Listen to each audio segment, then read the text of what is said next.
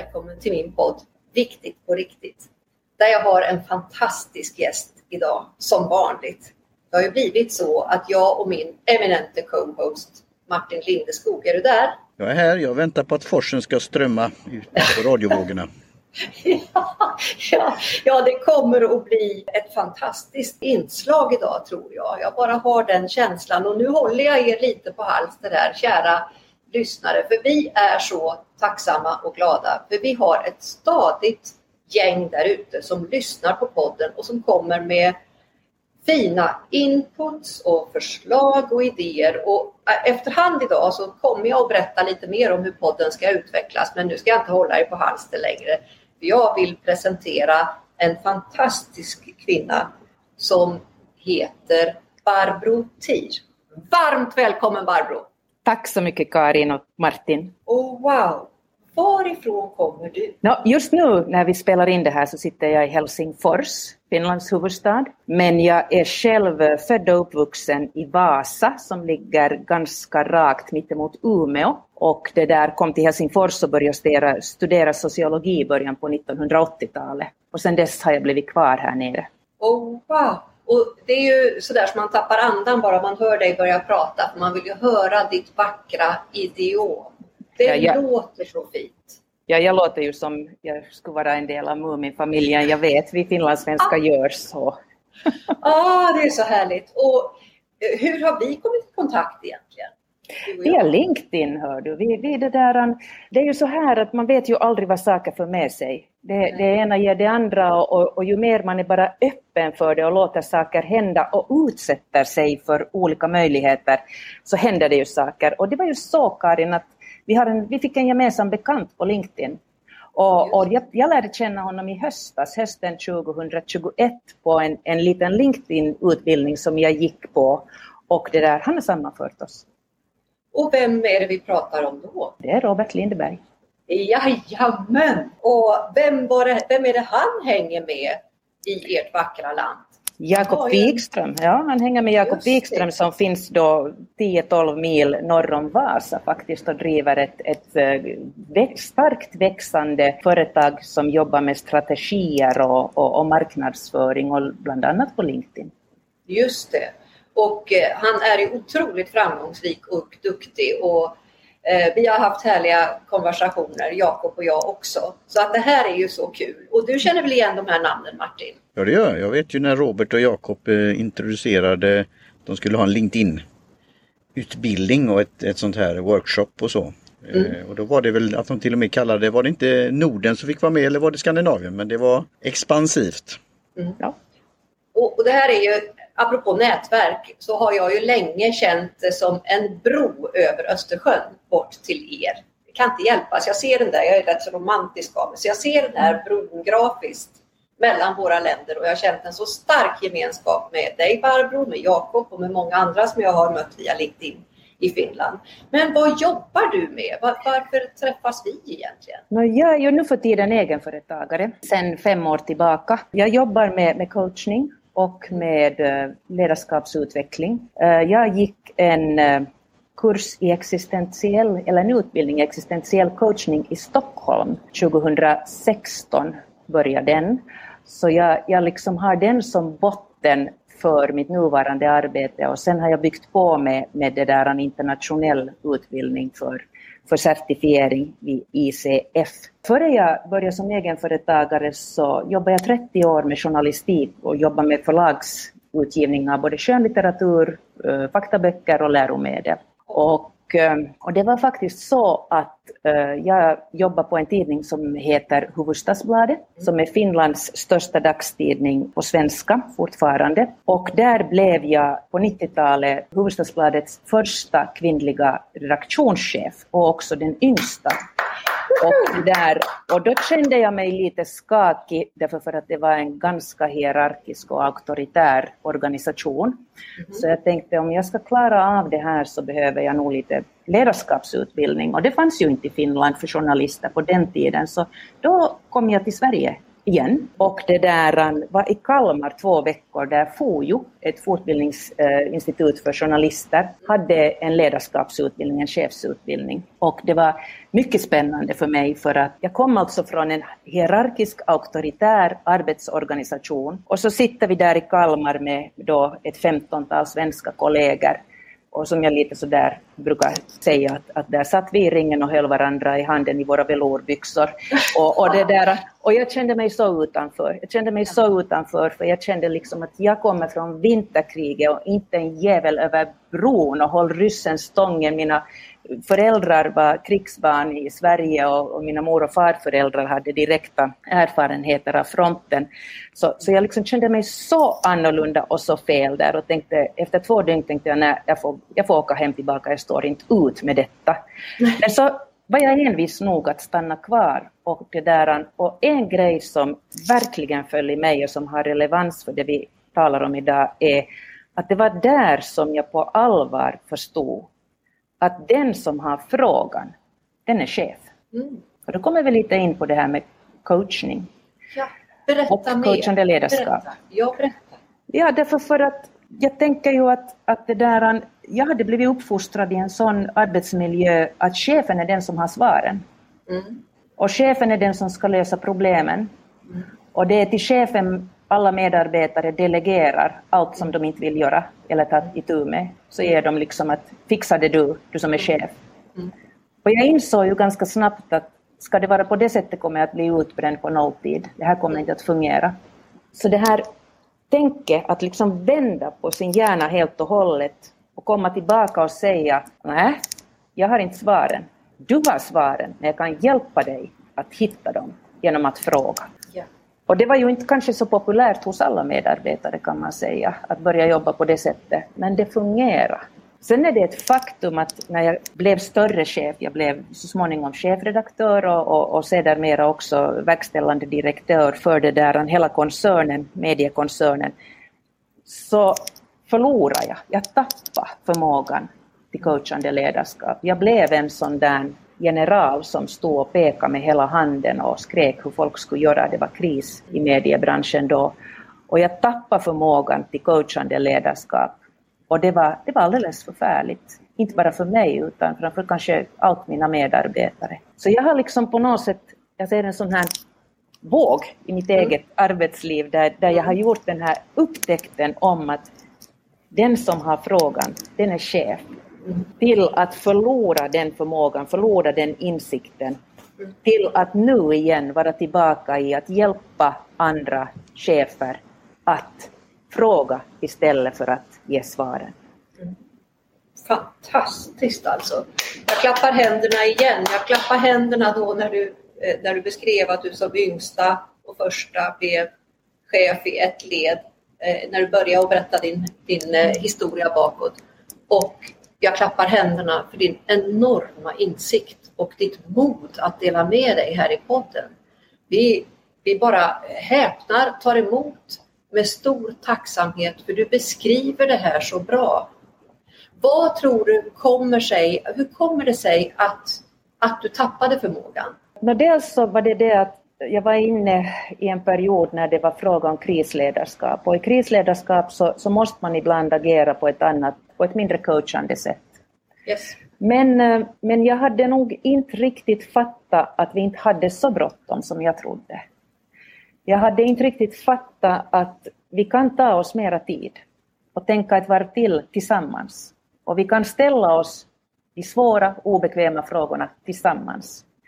Och och, och, jag tror att det här är ett problem i många organisationer och företag fortfarande idag. Och det är därför, som det är en utmaning med coachande ledarskap i många företag. Därför för att man tror att man har mycket mer bråttom än man har.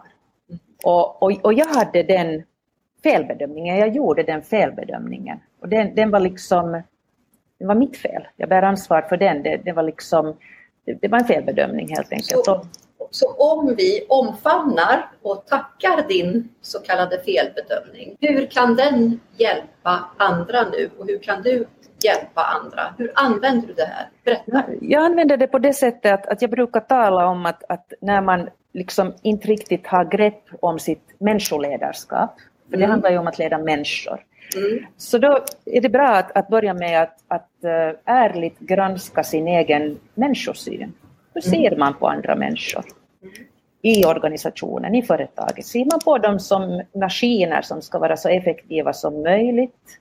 Eller ser man dem, på dem som, som människor som får vara människor också på jobbet? Det är liksom det första man, man liksom ska pejla på, på en mm. skala och fundera på och, och vara helt liksom ärlig. Om man inte är ärlig mot sig själv så är det ingen vits att göra det här arbetet.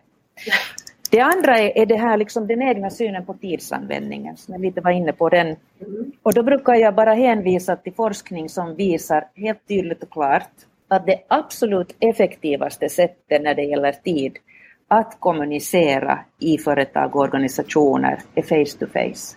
Mm. Det är att mötas öga mot öga, ansikte mot ansikte och prata med varandra. Mm. Det kan ta en kvarttimme, en halvtimme, det kan ta en timme. Men på det sättet så sparar du som chef in många, många timmars e-postande, missförstånd, felkommunikation, allt prat som sker runt omkring er lilla kommunikationskanal och så vidare. Och alla de här managementdokumenten som ju måste finnas, det är helt klart, men de, de liksom fungerar inte som ledarskapsredskap. Du måste prata och se, går det här fram? För alla tar vi emot budskap på olika sätt. Ja. Så det är liksom det andra, människosynen, tidsanvändningen. Och sen det tredje som, som jag tycker att man ska försöka vara så klarsynt som möjligt kring är hierarkin.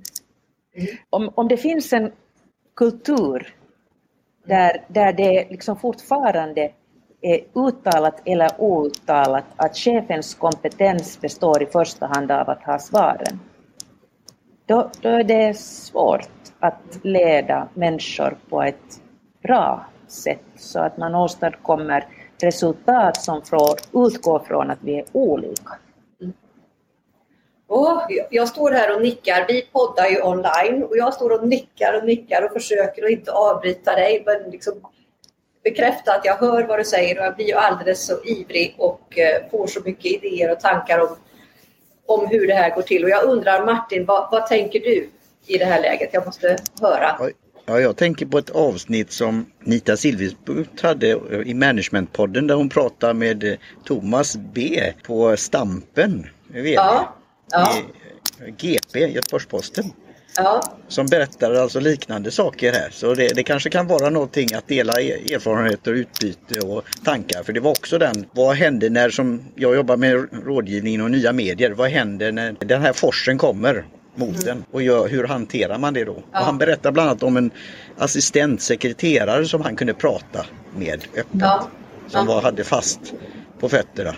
Mm. Så det var några sådana här reflektioner. Mm. Eh, och väldigt spännande och din personliga utveckling hur du har reflekterat och gjort introspektion på det. Det är fantastiskt ju och eh, djupet i det du sysslar med och ditt sisu Barbro. Mm. För jag, jag, måste bara liksom sammanfatta lite kort här och för ni kära lyssnare som ni hör ju vilken kvinna vi har här och jag rekommenderar er. Martin gör ju alltid så fina eh, show notes, alltså anteckningar som hör till avsnittet. Och där kommer det att ligga länkar till filmer som Barbro har spelat in.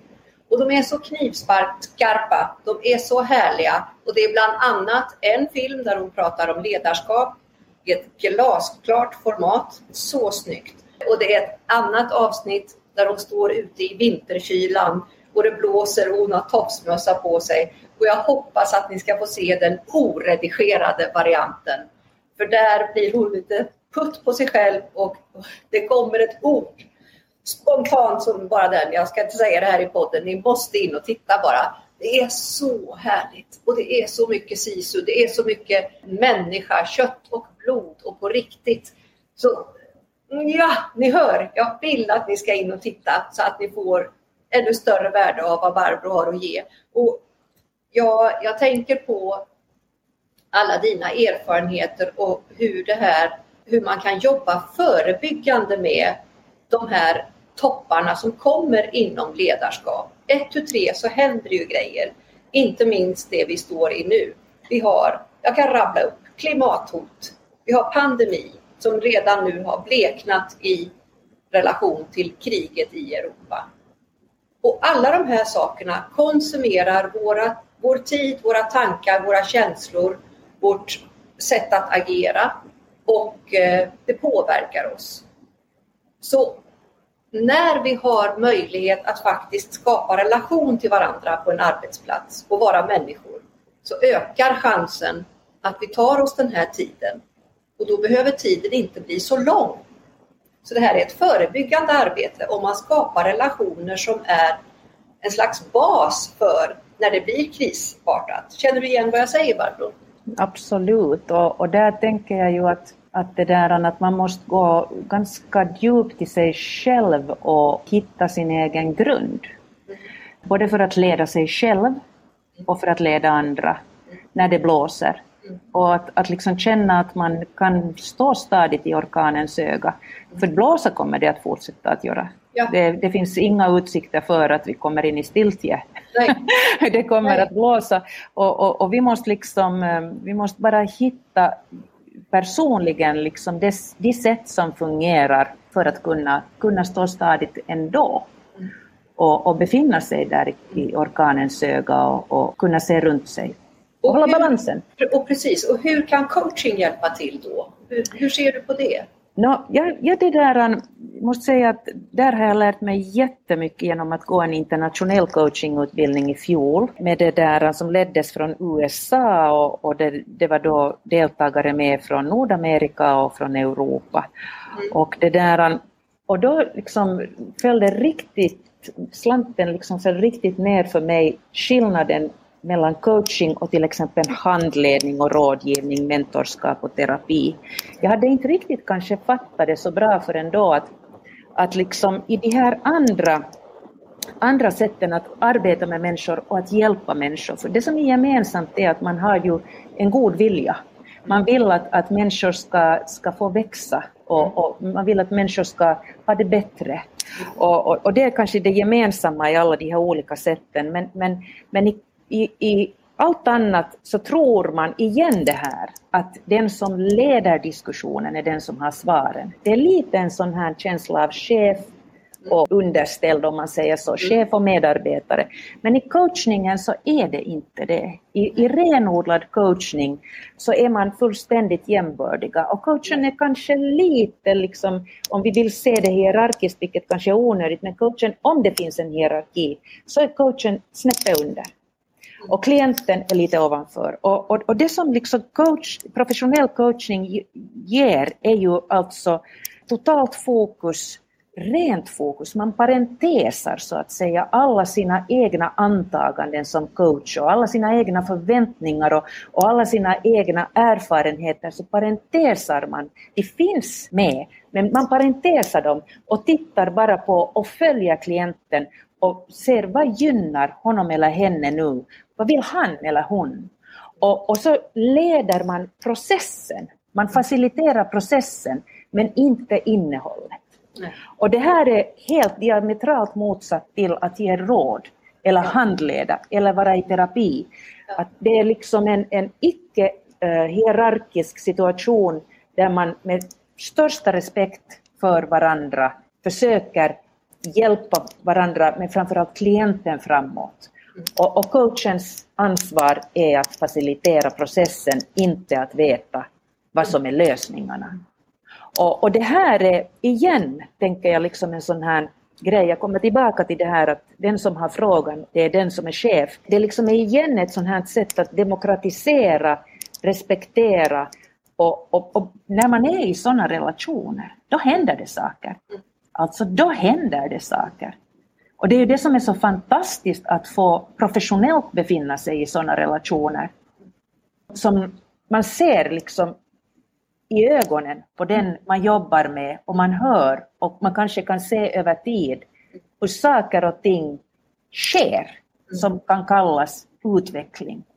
Och, men men du, du vet aldrig som coach vart, vart, det kommer att leda. Och det är det här liksom som, som jag faktiskt tror att är ett väldigt fungerande redskap också i perioder av osäkerhet.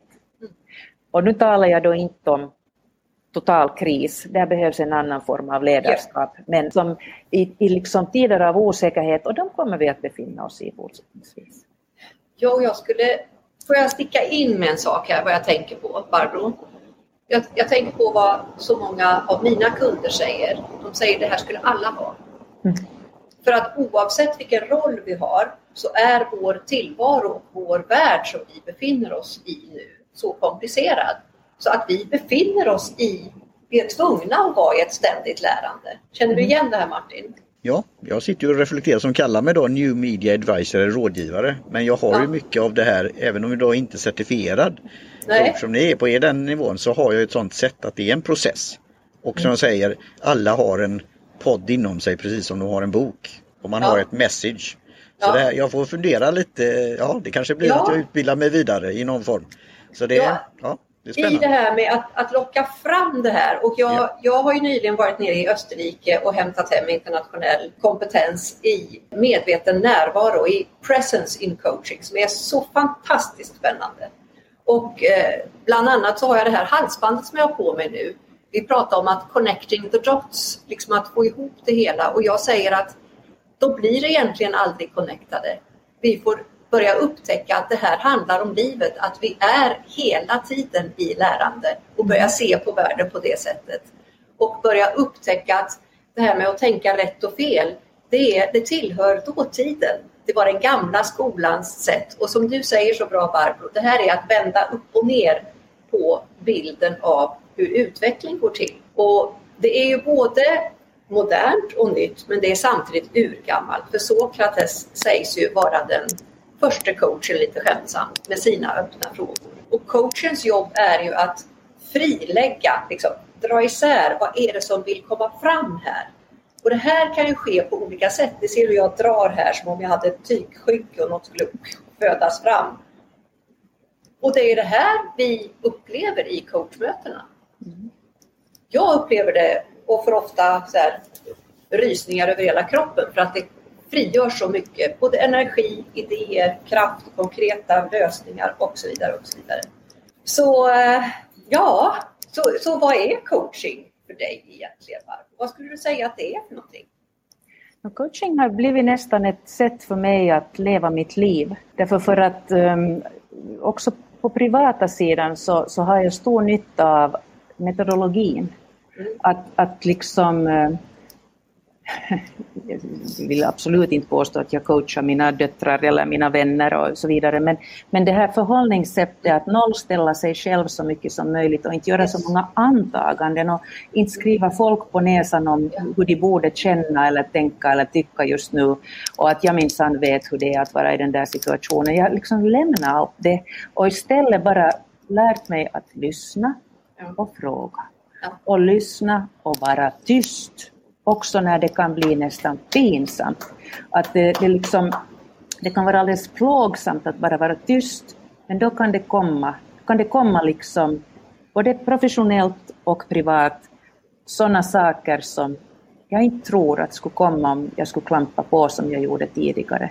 Så, så coaching har liksom och sen är det det att jag har jag liksom börjar med existentiell coaching men jag är också, jag yogar väldigt mycket och, och det där och, och, jag är jätteintresserad av österländsk filosofi och av modern fysik. Och jag, jag liksom brukar säga att på sätt och vis liksom så den här existentialismen, österländska filosofin och, och den där moderna fysiken, det är den triangel där jag rör mig och där jag liksom gör mina upptäckter och, och det liksom gör jag med den här samma metodologin att, att du säger att det, det är liksom gammaldags att tänka antingen eller. Men i österländsk filosofi har man aldrig tänkt antingen eller. Det här är liksom ett västerländsk, en västerländsk yes. filosofisk uppfinning. I österländsk filosofi har man alltid tänkt både och. Ja. Det är inte antingen eller, det är både och. Ja. Och det, det, är liksom, det är helt okej. Okay. så att, så att liksom det här yes. metodol, metodol, metoden att coacha så, så den fungerar den fungerar överlag i livet jättebra. Så om vi, om vi tittar och tar en global vy lite hastigt här, för vi ska ju snart knyta ihop vår lilla säck och tänka på de som lyssnar som också är busy där ute i vardagen och så. Men på en global nivå, vad, vad skulle du säga att coachingen ligger då? Det är ju jätteintressant för att det är så många olika kulturer och det mm. får man ju som coach om man har förmånen att, att coacha Eh, människor från olika kulturer så får man ju verkligen lära sig att ligga lågt inför det och visa den största respekt. Och coachingen är ganska bra för den är relativt värdeneutral. Den har liksom vissa värderingar som är grundfasta men de gäller oberoende av kultur. Och därför tycker jag liksom att, att det kanske är en av de få ledarskapsformer, coachande ledarskap, som, som fungerar globalt. Och där har vi ju, kan vi ju luta oss som ICF-coacher mot International Coach Federation och deras åtta kärnkompetenser som är en trygghet yes. för både oss som coacher och de som är våra kunder. Ja. Hur ser det ut i Finland? på nationell nivå? No, jag, jag, ska inte generalisera för mycket och det där och inte tala illa om mina landsmän men, men Finland är alltså, finländsk ledarskapskultur kommer från, är buren av ingenjörskap. Finland har, har liksom väldigt länge varit industriburet eh, och, och det har varit ingenjörer som har varit chefer. Och det syns, det är väldigt mycket management och väldigt lite människoledarskap. Mm. Och, och, det där, och nu håller det på att svänga. Det har svängt ja. de senaste 10, 15, 20 åren och det, det är liksom Nokia och startups som är väldigt framgångsrika som har helt annan ledarskapsfilosofi. Så det, det börjar finnas utrymme för coaching i Finland också. En efterfrågan på det. Det är spännande. Och på lokal nivå, hur är det där? Jag jobbar mycket i Svenskfinland som vi då kallar ja. kusten i, i det där Finland där det bor mycket, mycket människor med svenska som modersmål och, och, det där, och, och, vi liksom är ju lite så där mittemellan det finska och det rikssvenska. Mm, mm, mm. Att vi, vi, vi det där, ja, det är, oh. lite, det är lite härligt och, och, det är också lite besvärligt för att det är liksom en väldigt liten kultur och, ja, ja. och, och, så här. Det, vi, brukar kalla det ank, vi brukar kalla det ankdammen liksom, och, och, det är en ankdamm och, och, det där, så det, det har sina sidor. Men, ja. Eh, men här finns kanske liksom eh, här finns både det bästa och det sämsta av det finska och det vi kallar det rikssvenska. Ja, ja, ja. Det, men, men, coaching fungerar bra. Coaching fungerar bra. Det, finlandssvenskar är väldigt uh, medvetna om vad som händer i Sverige och har plockat in väldigt mycket nytt västerifrån i Finland. Så att det är lätt att coacha på svenska i Finland. Oj, vad spännande Barbro. Och tiden matar ju på. Det känns som att man vill ju borra i alla de här i gränslandet där. Jag som älskar att vara så här i gräns. Jag tycker det är så spännande vad som händer i gränserna. Och, och eh, vad, vad, har du för någonting avslutningsvis personligt som du vill skicka med till de här sköna som lyssnar på oss nu? Ja, jag, jag, är så glad att jag får vara med här och, och det där. Och, och, jag skulle kanske då vilja lyfta fram, eh, jag, jag, brukar tala mycket om förtroende, det är liksom förtroende är grunden för allt ledarskap, men nu är vi i Finland ganska oroliga för världsläget och för vår egen eh, säkerhetspolitiska situation.